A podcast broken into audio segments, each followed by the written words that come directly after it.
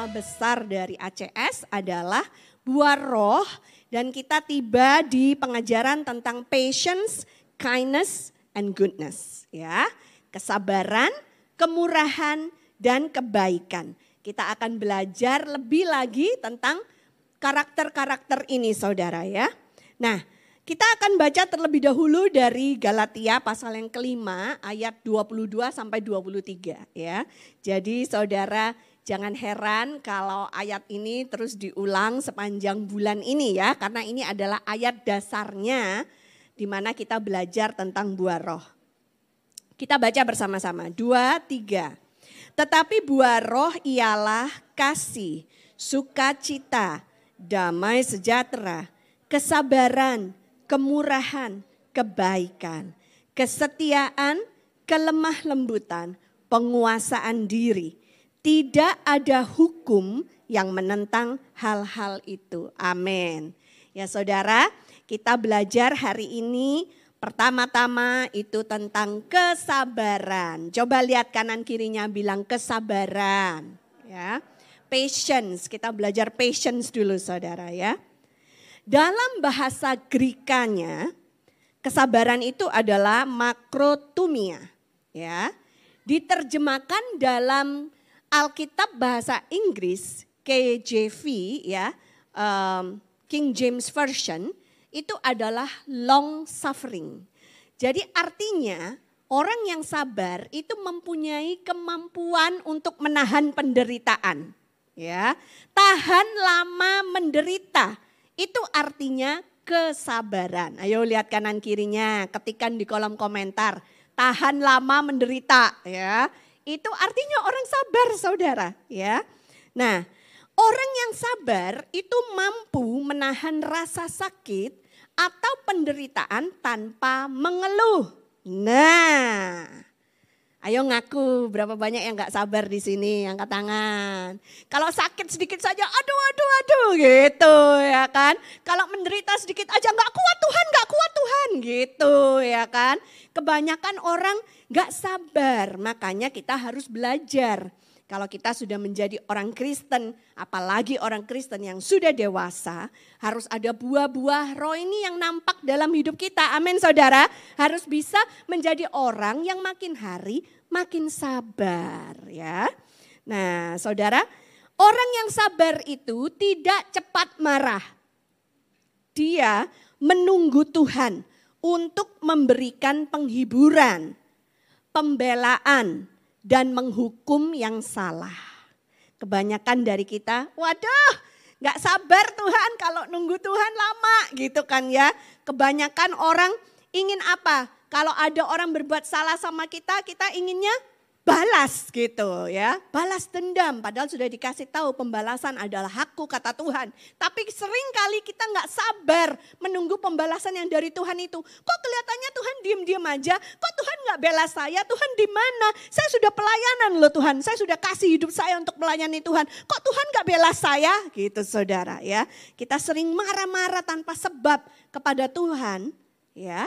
Padahal saudara tahu Tuhan itu nggak pernah salah ada amin saudara. Tuhan itu selalu benar. Ada amin saudara. Jadi daripada kita marah-marah sama Tuhan yang gak jelas, lebih baik kita merubah sikap hati kita. Kita rubah cara berpikir kita. Kita selaraskan dengan apa yang menjadi maunya Tuhan. Ada amin saudara. Karena Tuhan gak pernah salah. Dan semua rancangannya indah. Ada amin saudara.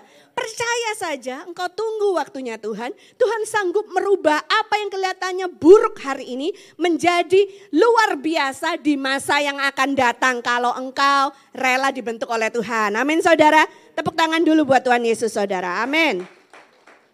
Nah tentunya kalau kita lihat ya. Jadi kesabaran ini bukan sifat natur alami manusia. Kebanyakan natur alami manusia itu nggak sabaran. Jadi ini merupakan buah roh. Dan kita hanya bisa mempunyai makrotumia ini, kesabaran ini, melalui kuasa dan karya dari roh kudus dalam hidup kita. Tanpa roh kudus tidak mungkin manusia bisa sabar dengan sendirinya. Amin saudara. Ya, Kesabaran itu menunjukkan bahwa seseorang itu powerful. Kesabaran itu powerful saudara. Coba ngomong sama saya. Kesabaran itu powerful sambil tangannya diangkat gini saudara. Dua, tiga. Kesabaran itu powerful. Loh kok bisa? Padahal orang yang sabar itu kan kayaknya ditindas kanan, ditindas kiri, dia diem aja. Kok bisa powerful? Bukannya tambah kelihatan lemah karena dia tidak membalas gitu saudara ya. Nah memang cara pandang dunia dengan cara pandang surgawi itu beda saudara ya. Kenapa dikatakan bahwa orang yang sabar itu powerful? Karena dia bisa menahan dirinya. Dan menahan diri sendiri itu memerlukan kuasa yang besar saudara. Amin saudara. Bisa saja loh saudara ya. Seseorang yang diperlakukan tidak adil itu membalas dendam. Membuat onar untuk menuntut suatu pembalasan. Tapi kesabaran membuatnya mampu menahan diri dan berpikir dengan jernih, dengan seksama. Ya, kalau nggak punya kuasa, kalau nggak punya power, mana mungkin dia bisa menahan dirinya yang seperti itu. Jadi sebaliknya, kehilangan kesabaran itu adalah tanda kelemahan. Apa saudara? Kalau orang yang kehilangan kesabaran berarti dia lemah. Ya, ini menurut pembelajaran Alkitab kita hari ini, ya. Nah saudara, kesabaran itu dibentuk ketika kita menghadapi masalah. Masalah-masalah yang kita hadapi itu sebenarnya adalah ujian kesabaran kita, katakan ujian kesabaran. Ya, Seringkali kita bertanya sama Tuhan, Tuhan kenapa sih masalahku ini banyak dan besar-besar gitu kan ya. Kenapa Tuhan masalahku ini berturut-turut kok tidak selesai-selesai, beruntun-runtun ya kan. Kata orang Indonesia sudah jatuh, ketimpa tangga, terus digigit anjing pula. Terus ada durian jatuh pula di atas kepalanya gitu kan. Lengkap sudah penderitaan kita gitu ya. Nah, jadi saudara gimana? Uh, saudara, padahal masalah-masalah yang Tuhan izinkan untuk kita hadapi itu sebenarnya adalah untuk menguji kesabaran kita.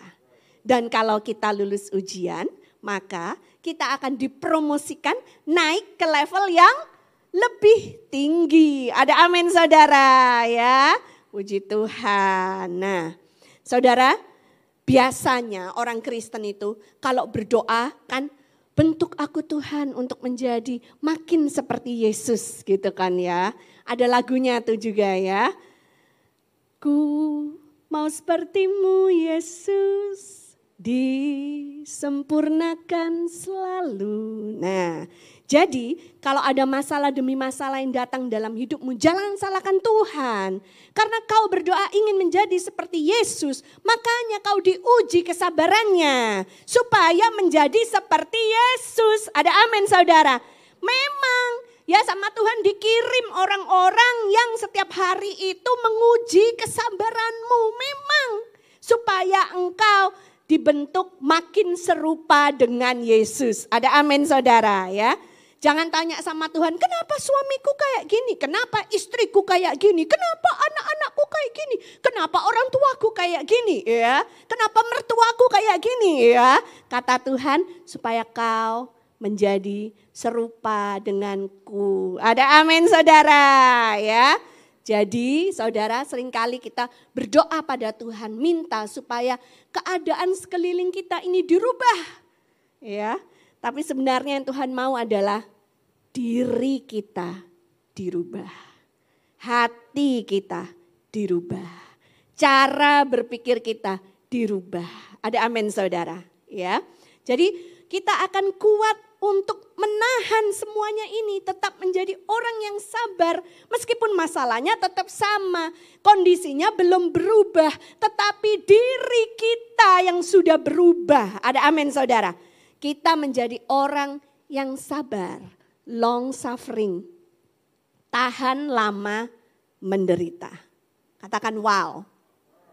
Siapa mau belajar lebih lagi untuk jadi orang yang sabar, ya? Puji Tuhan, Saudara. Kenapa kita perlu belajar menjadi orang yang sabar? Karena Tuhan itu sabar. Kalau kita ngaku-ngaku jadi anaknya Tuhan, ya sifatnya harus mirip sama Tuhan. Kalau Bapak kita sabar, terus kita nggak sabaran, kita anaknya siapa? ya saudara. Tuhan itu loh sabar terhadap manusia yang penuh dengan dosa. Namanya juga manusia, udah salah masih ngeyel. Hei, pernah lihat gak yang kayak gini saudara? Ya, anak-anak saya itu entah kenapa, waktu masih kecil, mereka itu selalu ngeyel dengan pendapatnya. Mereka pikir pendapatnya itu benar gitu kan saudara ya. Sampai jengkel rasanya karena salah dikasih tahu masih ngeyel seakan-akan dirinya benar gitu ya. Nah apalagi kalau di sekolah katanya missnya ngomong seperti ini gitu. Wah itu kayak diturutin langsung menjadi hukum dalam hidupnya. Padahal missnya bisa aja salah ngomong atau dia salah nangkep gitu saudara ya. Nah saudara tahu nggak sering kali kita juga seperti itu loh. Udah dikasih tahu diperingatkan sama Roh Kudus. Kalau itu salah, kita tetap ngeyel, merasa dirinya benar. Ya, padahal kita tidak melihat apa yang Tuhan lihat. Kita ngelihatnya cuman secuplik. Kita ngelihatnya cuman satu bagian, tetapi Tuhan sudah melihat seluruh keseluruhannya. Ada amin saudara. Nah, kalau kita lagi ngeyel, ingat, itu adalah sifat anak kecil kekanak-kanakan. Ada amin saudara. Orang dewasa tidak usah ngeyel. Kalau ditegur sama roh kudus, kalau ada orang berbaik hati negur kita, introspeksi diri. Tidak usah ngeyel, tidak usah sok benar. Ada amin saudara. Karena kita semua ini manusia bisa aja melakukan kesalahan sengaja ataupun tidak. Ya, Jadilah orang yang sabar. Ada amin saudara. Ya. Nah, kita lihat ya Roma 2 ayat yang keempat. Di screen sudah ada saudara, kita baca bersama-sama. Dua, tiga.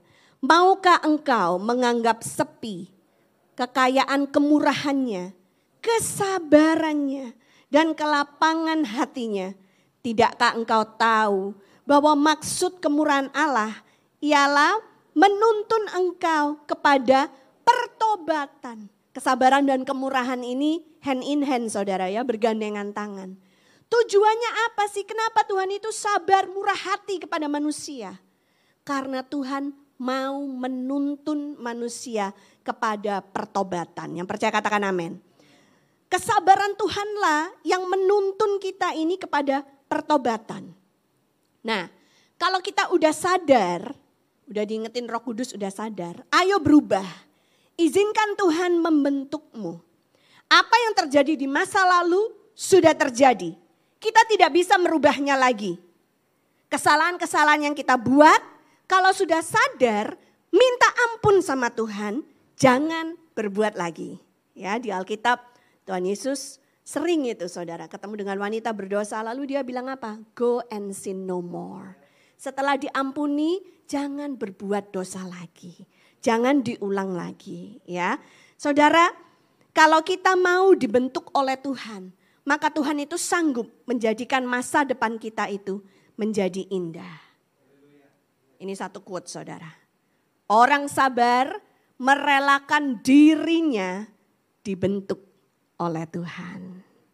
Amin saudara. Ya. Dan itu kita akan baca di Roma 9 ayat 20 sampai 24.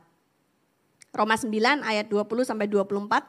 Kita baca bersama-sama ya. Dua, tiga. Siapakah kamu hai manusia? Maka kamu membantah Allah. Dapatkah yang dibentuk berkata kepada yang membentuknya? Mengapakah engkau membentuk aku demikian? Apakah tukang periuk tidak mempunyai hak atas tanah liatnya? Untuk membuat dari gumpal yang sama suatu benda untuk dipakai guna tujuan yang mulia, dan suatu benda lain untuk dipakai guna tujuan yang biasa. Jadi, kalau untuk menunjukkan murkanya dan menyatakan kuasanya, Allah menaruh kesabaran yang besar terhadap benda-benda kemurkaannya yang telah disiapkan untuk kebinasaan. Justru untuk menyatakan kekayaan kemuliaannya atas benda-benda belas kasihannya yang telah dipersiapkannya untuk kemuliaan. Yaitu kita yang telah dipanggilnya bukan hanya dari antara orang Yahudi, tetapi juga dari antara bangsa-bangsa lain. Yang percaya katakan, amin. Amin saudara. Kita yang dulu seharusnya menjadi objek kemarahannya Tuhan, objek kemurkaannya Tuhan. Ya, Saudara, karena dulu kita hidup dalam dosa, hidup kita sia-sia, seharusnya kita layak untuk dihukum mati oleh Tuhan, ya. Tapi saudara apa? Kita tidak dihukum setimpal dengan dosa-dosa kita. Malahan Yesus yang menanggung hukuman dosa-dosa kita. Ada amin saudara ya. Malahan Yesus menjadikan kita ini anak-anak Bapa di sorga. Yesus merekonsiliasi hubungan kita yang rusak dengan Bapa. Ya saudara, untuk apa tujuannya? Tadi di ayat yang kita baca.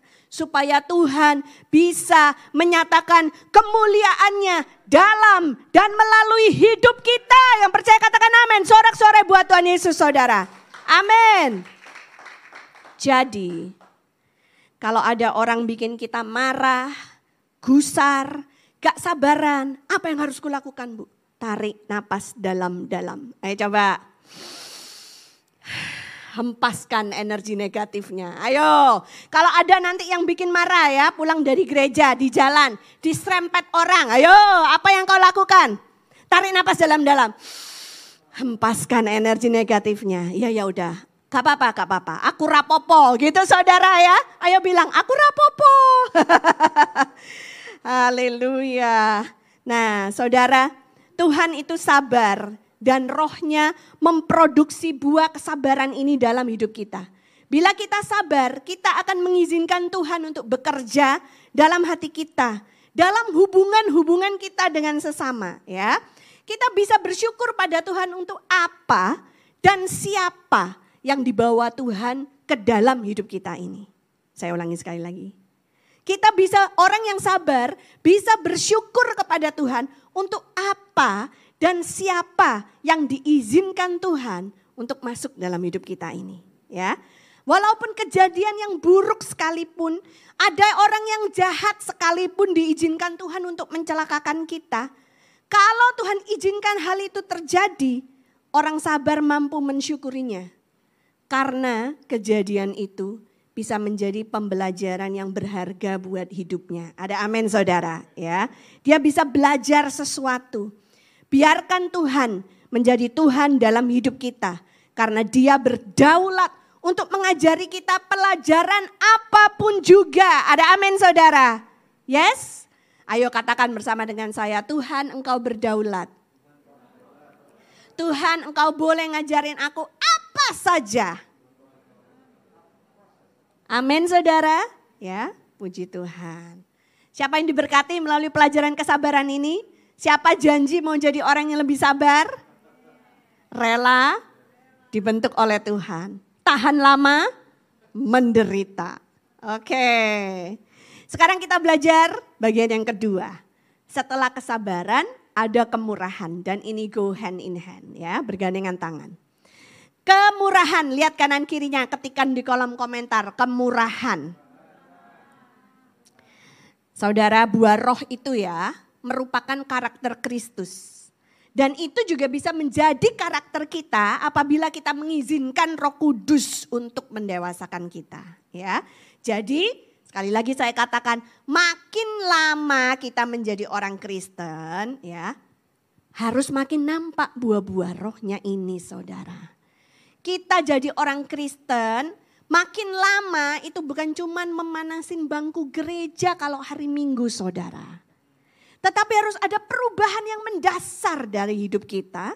Sehingga orang yang mengenal kita melihat perubahan itu. Dan bisa merasakan karakter kita yang berubah. Dulu marahan, sekarang menjadi orang yang sabar. Kalau dulu gak sabaran gitu, sekarang bisa menjadi orang yang lemah lembut.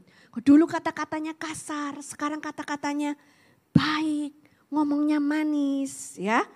Ada perubahan yang mendasar yang bisa dilihat. Karena itu adalah karakter Kristus yang terbentuk dalam hidup kita melalui karya roh kudus. Nah, tentang kemurahan. Kemurahan ini bahasa Grikanya adalah Krestotes. Ya. Artinya apa? Artinya karakter yang lembut, tidak mengancam.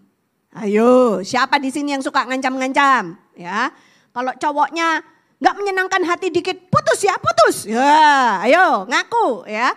Nggak boleh seperti itu saudara ya. Karena buah roh kemurahan ini mengatakan orang yang murah hati itu dia lembut.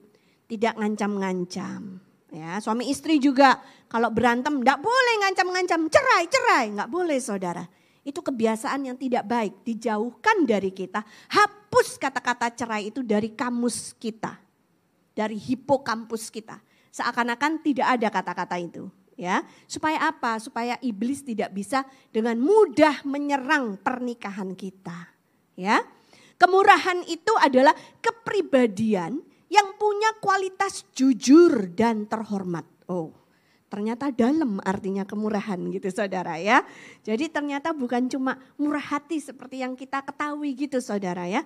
Tapi artinya dalam sekali ya. Kita perlu belajar saudara. Karena apa? Karena kita tidak mungkin bisa mengasihi kalau kita tidak murah hati. Buktinya dicatat di 1 Korintus pasal 13 ayatnya yang keempat. Kita baca sama-sama. Dua, tiga. Kasih itu sabar, kasih itu murah hati. Ia tidak cemburu, ia tidak memegahkan diri dan tidak sombong. Kita fokus di ayat 4 A dan B-nya saudara ya. Bahwa kasih itu sabar, kasih itu murah hati. Kita tidak mungkin bisa mengasihi kalau kita tidak sabar. Kita tidak mungkin bisa mengasihi kalau kita tidak murah hati. Ada amin saudara.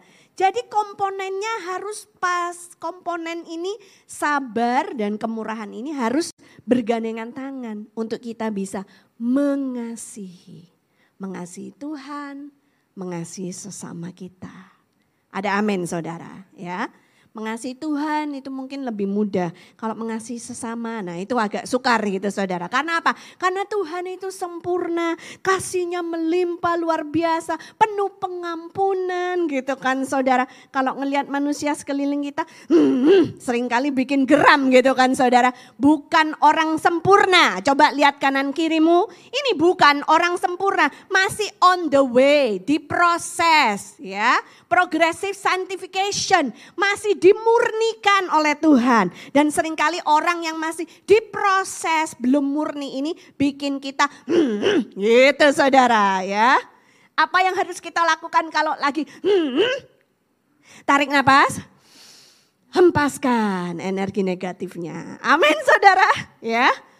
Oke. Kadang-kadang kalau saya ngajarin anak belajar ya. Misalnya sekarang James gini ya. Kadang-kadang kalau diajarin gitu uh, mau nurut misalnya gitu ya. Padahal cara yang dia tempuh untuk menyelesaikan soal matematika itu salah. Ada cara yang lebih mudah, cara yang lebih cepat. Saya tuh mau ngajarin dia tapi dia ngeyel gitu kan saudara ya. Nah itu kan bikin hmm, gitu saudara ya. Dan sering kali uh, sering kali saya juga marah, tapi saya mencoba juga untuk menjadi orang yang lebih sabar yang saya lakukan apa? Ya saya tarik nafas. Terus saya bilang gini, ya Tuhan kesabaranku diuji. Saya sering ngomong gitu. Di depan anak-anak ini ya, dulu Angelin juga gitu ya. Habis lama-lama kesabarannya mami ini gitu saudara. Saya akan validate my feeling ya. Saya akan memvalidasi perasaan saya. Saya ucapkan supaya mereka tahu gitu. Oh melanggar batas sebentar lagi gitu saudara ya. Nah biasanya kalau sudah gitu mereka mundur, teratur ya, backup. Karena kalau enggak sebentar lagi pasti dimarahin sama mami gitu ya. Jadi saya kasih rambu-rambu dulu. Ya Tuhan ini anak kok enggak mau nurut gitu saudara ya. Biar mereka tahu isi hati saya gitu, enggak langsung disemprot ya. Nah saudara, kemurahan ini merupakan karakter yang membuat Tuhan menyediakan keselamatan bagi kita. Titus 3 ayat 4 sampai 7. Kita baca sama-sama. 2, 3. Tetapi ketika nyata kemurahan Allah, juru selamat kita, dan kasihnya kepada manusia, pada waktu itu dia telah menyelamatkan kita, bukan karena perbuatan baik yang telah kita lakukan, tetapi karena rahmatnya oleh permandian kelahiran kembali dan oleh pembaharuan yang dikerjakan oleh roh kudus yang sudah dilimpahkannya kepada kita oleh Yesus Kristus, juru selamat kita, supaya kita sebagai orang yang dibenarkan oleh kasih karunia-Nya berhak berhak apa? Menerima hidup yang kekal sesuai dengan pengharapan kita. Sorak-sore buat Tuhan Yesus saudara. Amin. Jadi karena kemurahan hatinya Tuhan. Makanya Yesus itu disalibkan dan menebus dosa kita saudara. Ada amin saudara. Karena kemurahan hatinya Tuhan. Makanya Tuhan memilih untuk menyelamatkan umat manusia. Kan mestinya bisa toh Tuhan tidak usah repot-repot Tuhan gitu. ya kan, tidak usah repot-repot lah Tuhan sampai mati di atas kayu salib Tuhan ya kan. Kirim aja malaikatmu cukuplah Tuhan gitu. Tapi nyatanya apa? Tuhan rela turun dalam wujud manusia. Dia rela repot-repot buat engkau dan saya. Ada amin saudara. Dia rela repot-repot memberikan satu hadiah yang begitu luar biasa yang kita tidak layak dapatkan. Ada amin saudara. Ya, itu sering kali kalau misalnya ada anak yang ulang tahun, teman James katakan di sekolah. Terus saya belum sempat pergi beli kado gitu kan ya. Karena belum weekend, maklum. Ibu rumah tangga ya kan. Jadi perginya cuma weekend gitu saudara ya. Waktu luangnya cuma weekend ya kan. Nah terus saya akan bilang sama mamanya temen James itu. Sorry ya kadonya nyusul gitu ya. Nah tapi saya kalau bilang kadonya nyusul beneran nyusul saudara. Banyak orang itu cuman abang-abang lambe. Banyak orang itu cuman pemanis di bibir aja. Ngomong kadonya nyusul tapi nggak pernah datang susulannya. Ya kan? Nah, jadi saudara, saya bilang maaf ya, nanti kadonya nyusul. Biasanya mama temen James yang berulang tahun itu akan bilang, nggak usah, nggak usah bu, nggak usah repot-repot gitu kan ya. Terus nanti saya jawabnya apa? Wah nggak repot kok, saya nggak merasa repot untuk memberi kado. Nah sama juga dengan Tuhan ya. Mungkin kita akan bilang, Tuhan gak usah repot-repot lah nyelamatin aku ya sampai kayak gitu. Kirim aja malaikatmu. Tapi Tuhan bilang, dia gak repot. Dan Tuhan mau memberikan kado yang terbaik, yang terindah, yang kita tidak layak dapatkan, yang kita tidak mungkin bisa dapatkan dengan usaha perbuatan kita sendiri. Amin saudara. Sorak-sorai buat Tuhan Yesus.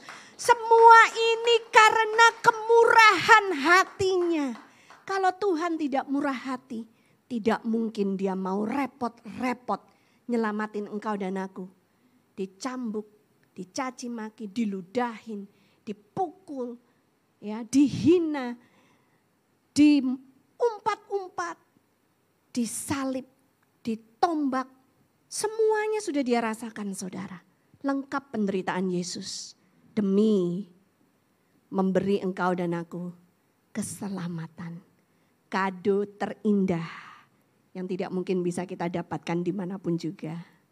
Karena kita seharusnya, seharusnya kita itu layak dihukum dalam kebinasaan. Tetapi karena karya penebusan Yesus, kita diselamatkan. Dan akan, apa katanya di dalam Alkitab? Kita berhak, berhak loh saudara, katakan aku berhak. Tumben, biasanya kita kan diajarin melakukan kewajiban dan tidak menuntut hak ya kan saudara. Tapi kali ini dikatakan kita berhak, katakan aku berhak. Berhak apa? Menerima hidup yang kekal. Yang percaya katakan amin, sorak-sorai buat Tuhan Yesus. Haleluya. Haleluya.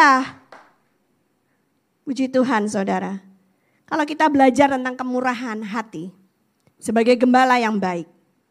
Kemurahan ini yang membuat Tuhan itu menuntun kita ke padang rumput yang hijau menuntun kita ke air yang tenang untuk menyegarkan jiwa kita yang lelah. Ya. Kenapa lelah ya? Banyak masalah. Kenapa lelah ya dicibir orang? Kenapa lelah difitnah? Kenapa lelah dikianati? Kenapa lelah? Ditusuk dari belakang. Kenapa lelah? Ada musuh dalam selimut, Bu. Nah, saudara datang kepada Yesus. Dia gembala yang baik. Dia sanggup menyegarkan jiwamu yang lelah. Kemurahan ini juga yang membuat gembala yang baik ini mencari dan menyelamatkan kita kalau sempat kita itu sebagai dombanya tersesat di jalan. Ya. Makanya kita kalau ada orang on the way harus sering-sering bilang titi DJ ya kan saudara hati-hati di jalan. Kenapa? Supaya dia jangan tersesat di jalan gitu loh saudara. Terus lupa jalan pulang gitu saudara ya. Tuhan Yesus sebagai gembala yang baik karena kemurahan hatinya. Dia rela meninggalkan yang 99 demi mencari satu yang hilang. Dia pastikan yang 99 aman ditaruh di kandang dulu saudara. Lalu dia akan pergi mencari satu yang hilang. Biasanya kalau kita manusia, ah masih ada 99 gak apa-apa lah udah satu itu hilang biarin gitu saudara. Ya kan? Daripada aku harus repot-repot mencari. Tapi Yesus gak seperti itu saudara. Karena kemurahan hatinya dia rela meninggalkan yang 99 ditaruh di tempat yang aman.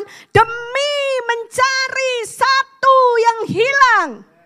Kalau satu itu adalah dirimu percaya Yesus akan mencari engkau sampai ketemu. Dan dia akan menggendong engkau diangkat, ditaruh di pundaknya, dibawa pulang kembali ke tempat yang aman bersama dengan saudara-saudaramu yang lain. Amin saudara. Saya nggak tahu apakah yang lagi menonton melalui siaran YouTube kita sedang tersesat. Mungkin saja sedang marah sama Tuhan. Aku berdoa kau dibawa pulang oleh Tuhan. Amin. Ketika digambarkan sebagai Raja Wali, kemurahan itulah yang membuat Tuhan mengumpulkan kita anak-anak Raja Wali. Slide berikutnya ya. Untuk bernaung di bawah sayapnya. Ada lagunya kan? Bagai Raja Wali. Gimana? Melintasi gunung tinggi. Bagai Raja Wali. Melintasi gunung tinggi. Kok sama? Oh, melintasi badai hidup. Terus Dibawa ke pak sayapmu, kau bawaku terbang tinggi, melintasi langit biru, bagaikan Raja Wali. Saudara, Raja Wali itu melindungi anak-anaknya di bawah kepak sayapnya. Kau lihat gambarnya itu. Kita ini sebagai anak-anak Raja Wali dikasih perlindungan sama Mama Raja Wali. Amin saudara ya. Nah saudara seperti yang tertulis di Mazmur 91 ayat 4. Dengan kepaknya ia akan menudungi engkau. Di bawah sayapnya engkau akan berlindung. Yang percaya katakan amin. Kita ganti engkau dengan aku ya. Dengan kepaknya ia akan menudungi aku. Di bawah sayapnya aku akan berlindung. Yang percaya katakan amin saudara. Karena kemurahan hati ya Tuhan akan melakukan hal ini kepada kita. Kenapa dibawa kepak sayapnya itu saudara? Untuk melindungi kita. Memastikan kita ini selalu dekat dengannya. Amin saudara. Tuhan menunjukkan kemurahan ketika dia memelihara Elia dan janda di Sarfat selama musim kelaparan. Tuhan menunjukkan kemurahan, ya. Saudara sudah tahu ceritanya kan?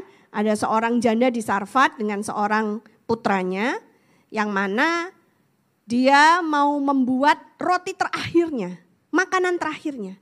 Setelah itu habis tepungnya dan habis minyak.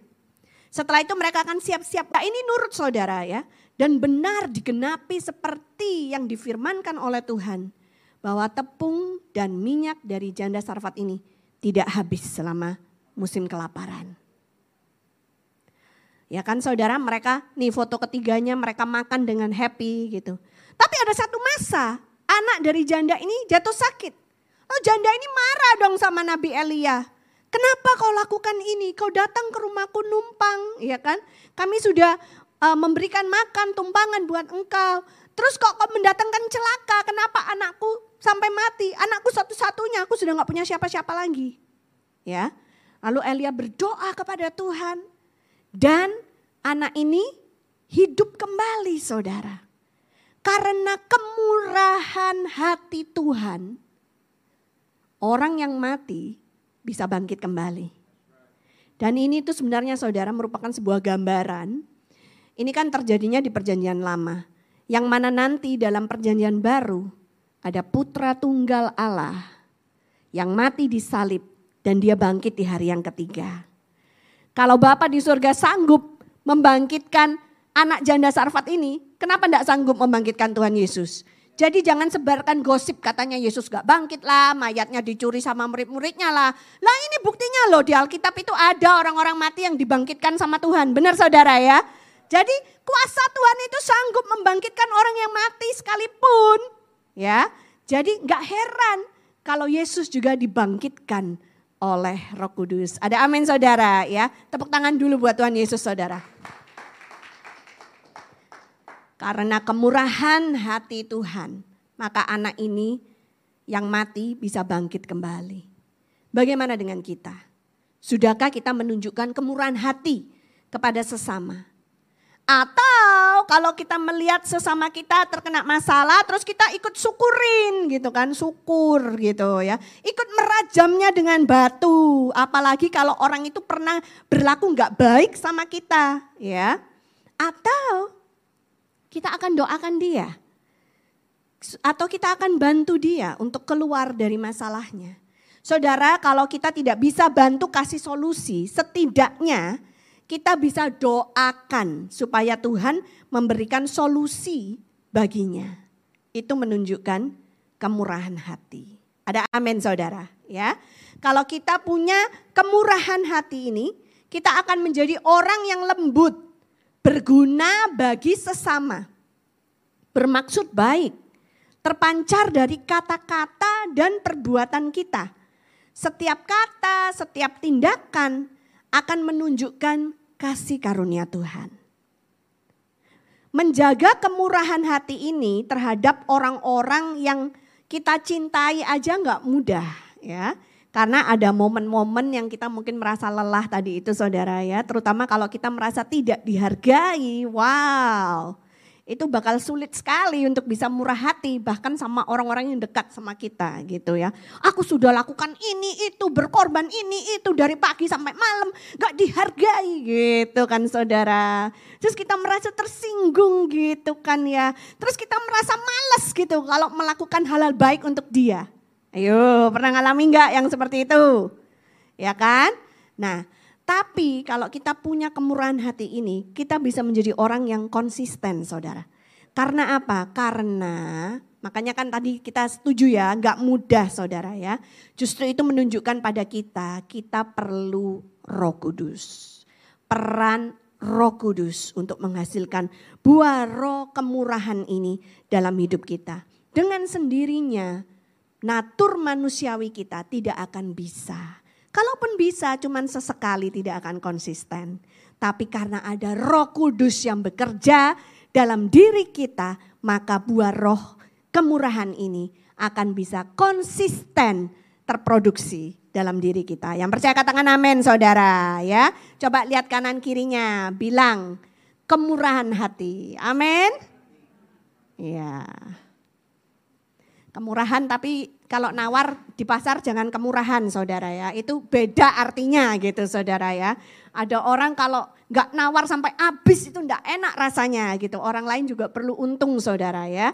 Jadi kalau saudara tidak mendapatkan tawaran yang terdahsyat seperti yang kau mau, Anggap itu berkati hidup orang itu saudara. Dia juga punya keluarga, dia juga punya anak yang harus disekolahkan gitu saudara. Dan zaman sekarang ini semua mahal gitu saudara ya. Jadi anggap itu bahwa oh ya udahlah aku memberkati engkau. Nawarnya jangan kebangetan ya. Oke, kemurahan hati boleh, nawar kemurahan enggak boleh. Ada amin saudara ya. Haleluya.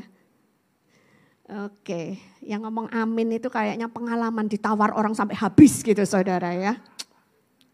Kita lanjut buah roh yang berikutnya. Lihat kanan kiri ketikan kolom komentar bilang kebaikan. Ya, ini yang terakhir saudara ya yang akan kita pelajari hari ini. Nah, dalam bahasa Grikanya kebaikan itu adalah agatosune.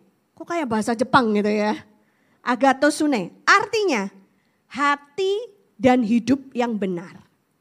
Kebaikan itu dilakukan demi menolong orang lain, untuk kepentingan orang lain, bukan untuk memamerkan bahwa kita baik. Nah, hati-hati di sini saudara ya. Karena ada banyak jebakan dunia.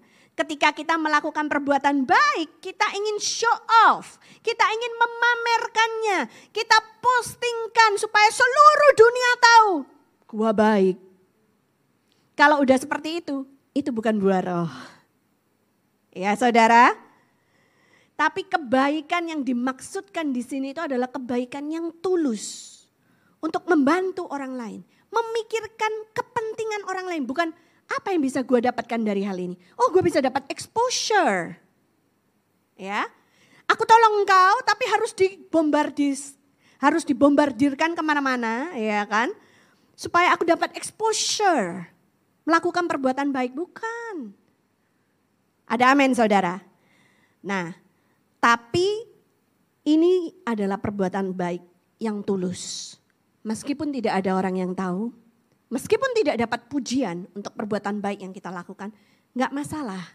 Karena tujuan kita adalah untuk menyenangkan hati Tuhan, bukan menyenangkan hati manusia. Yang setuju katakan amin. Ya. Haleluya. Matius 5 ayat 16. Kenapa kita harus berbuat baik? Ada ayatnya bro, ada ayatnya sis. Bukankah perbuatan baik tidak bisa menyelamatkan kita? Memang. Kita adalah orang Kristen perjanjian baru. Kita berbuat baik bukan supaya diselamatkan oleh Tuhan.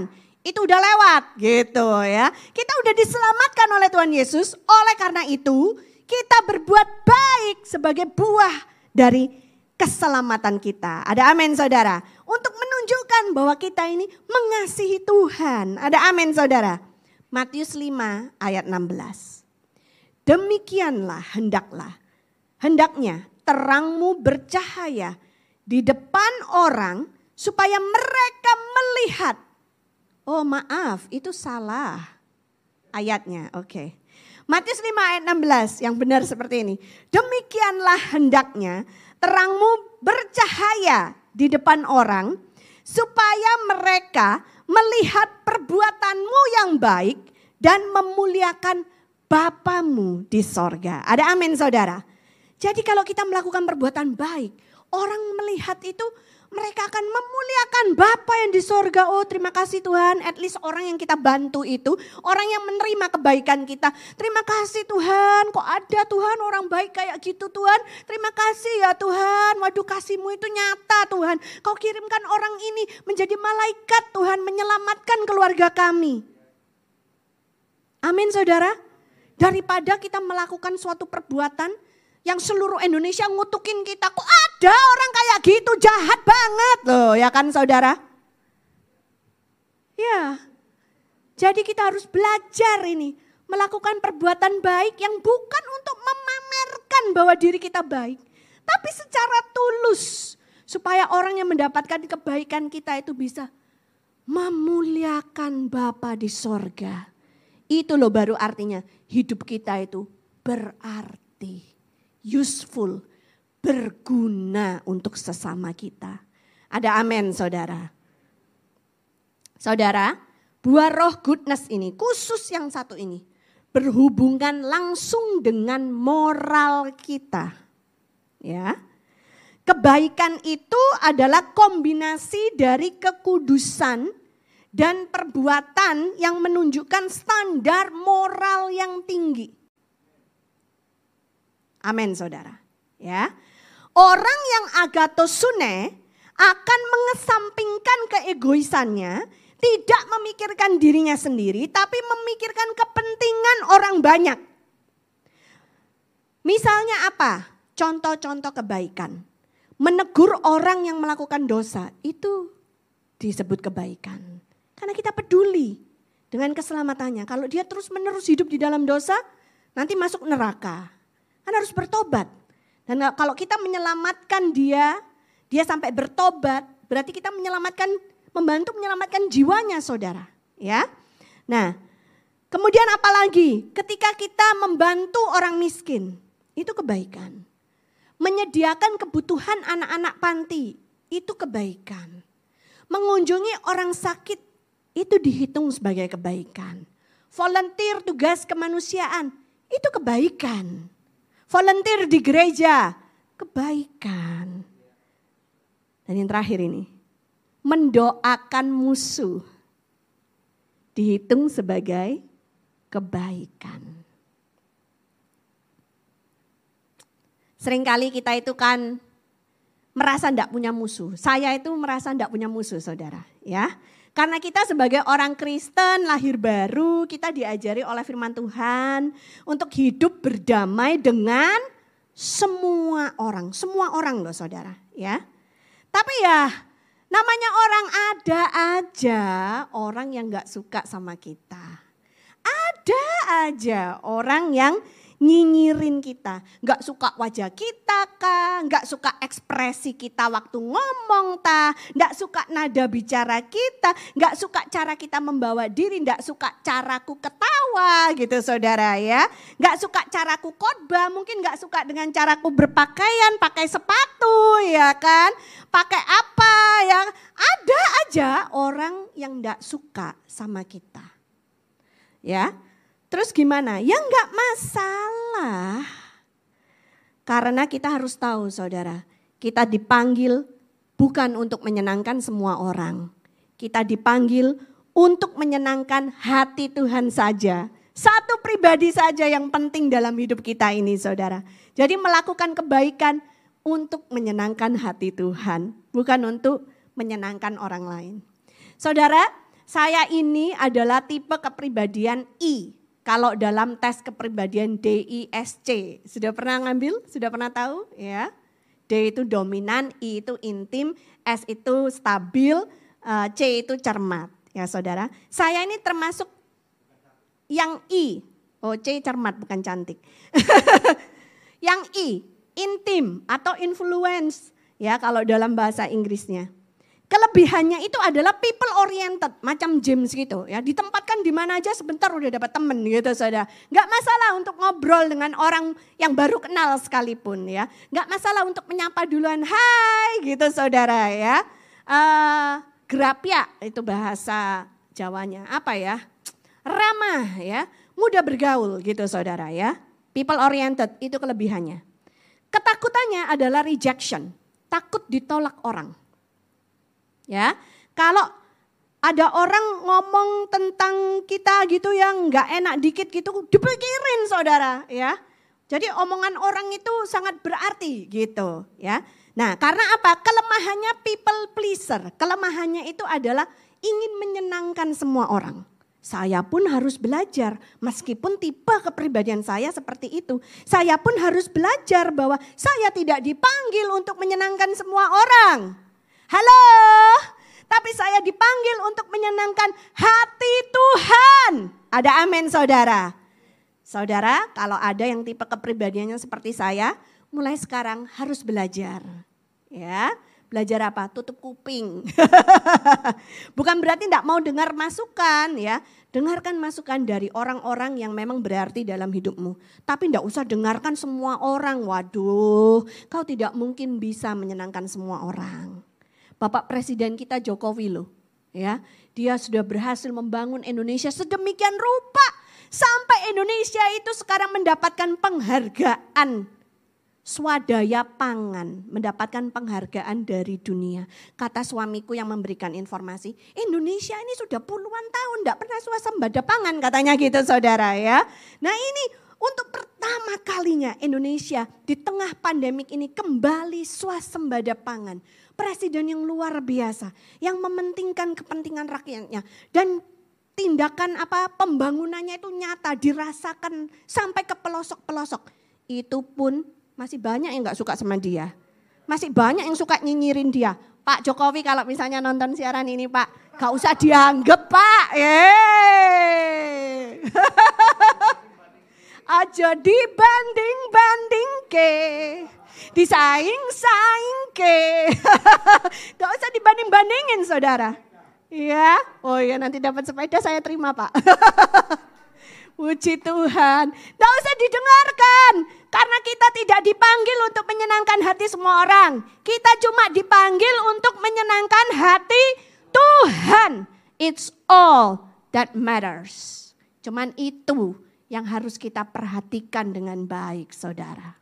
Ya, orang mau ngomong apa, fitnah apa, nuduh apa, serah. Karena apa? Karena pada akhirnya kita masing-masing ini loh harus bertanggung jawab di depan tahta Tuhan, pengadilannya Tuhan, ya kan? Lu mau ngomongin gua apa? Gak masalah, yang penting hubungan gua sama Tuhan gimana? Itu aja yang harus aku perhatikan. Ada amin saudara, ya. Nah, jadi saudara tentang kebaikan ya. Orang boleh nggak suka sama kita, marah, ejek, hina, fitnah, tuduh. All we need to do is melakukan kebaikan. Tidak balas kejahatan dengan kejahatan. Balas kejahatan dengan kebaikan. Caranya gimana Bu? Setidaknya doakan mereka. Amin saudara. Kalau kau sudah mendoakan orang-orang yang memusuhimu. Tadi kan saya bilang saya merasa nggak punya musuh. Tapi yang musuhin saya mungkin banyak gitu saudara ya. Nah apa yang aku lakukan? Ya aku doakan Tuhan berkati mereka. Mereka nggak tahu apa yang mereka katakan gitu. Tuhan aku berdoa berkati mereka supaya mereka diberikan mata yang terbuka untuk melihat kebenaran. Diberi hati yang lurus untuk bisa melihat sesuai dengan bagaimana Tuhan melihat gitu saudara ya. Aku rapopo. ya, nah saudara Mungkin bilang gini, wah kok susah ya bu. Sejak belajar buah roh ini kepalaku pusing bu. Kayaknya tiap minggu itu ada aja yang susah untuk diterapkan firmannya gitu kan ya. Minggu lalu Pastor Ani baru aja ngajarin kita Kesetiaan itu artinya rela diperlakukan tidak adil. Sampai hari ini masih aku renungkan saudara ya kan. Karena apa? Karena saya ini tipe yang tidak suka melihat ketidakadilan gitu saudara ya. Wah, nah terus ini tapi Definisi dari kesetiaan minggu lalu itu rela diperlakukan tidak adil. Hari ini kesabaran itu adalah rela dibentuk oleh Tuhan. Oh, ya kan? Panjang sabar, apa itu tadi? Uh, tahan lama menderita. Waduh kok susah gitu ya. Makanya susah itu menunjukkan kita perlu Yesus. Ada amin saudara. Kita perlu roh kudus. Ada amin saudara ya. Kita nggak mungkin bisa berbuah dengan sendirinya. Kalau kita tidak melekat kepada Tuhan. Yakobus 1 ayat 17. Setiap pemberian yang baik dan setiap anugerah yang sempurna datangnya dari atas. Diturunkan dari Bapa segala terang Padanya tidak ada perubahan atau bayangan pertukaran. Semua pemberian yang baik, anugerah yang sempurna datangnya dari atas. Kalau hidup kita bisa berbuah-buah dengan lebat, ada buah roh yang dihasilkan itu karena datang dari atas. Ada amin saudara, ya. Terus gimana? Jangan lelah berbuat baik. Meskipun kadang karena satu kesalahan orang bisa lupakan seribu kebaikan yang pernah kita perbuat tetaplah berbuat baik. Karena itu natur Bapa kita di sorga. Amin saudara? Yes? Kalau misalkan kita sudah banyak berbuat baik karena satu kesalahan, terus orang jadi marah sama kita, terus kita nggak mau berbuat baik lagi, berarti bukan anak Bapa di sorga. Ada amin saudara. Kalau ngambek nggak mau berbuat baik lagi, anak esopo gitu saudara ya. Anak Bapa di surga tetap berbuat baik apa pun keadaannya. Karena ada janji firman Tuhan dalam Galatia pasal yang ke-6 ayat 9 sampai 10 berkata demikian. Janganlah kita jemu-jemu berbuat baik.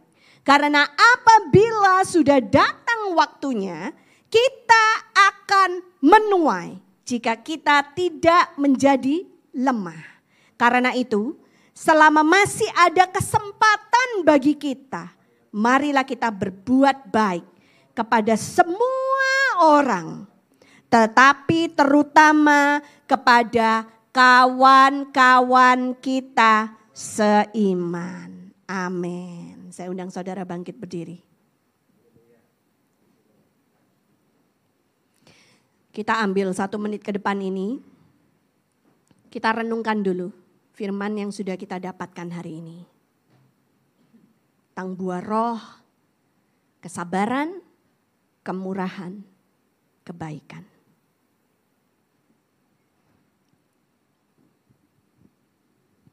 Terima kasih Tuhan. Oh Tuhan, hari ini kami menyadari betapa sabarnya Engkau. Betapa murah hatinya Engkau. Betapa baiknya Engkau. Ketika kami terus-menerus melakukan kesalahan, melakukan dosa sengaja ataupun tidak, Kau sabar Tuhan. Mengingatkan kami kembali Kau sabar menunggu kami pulang.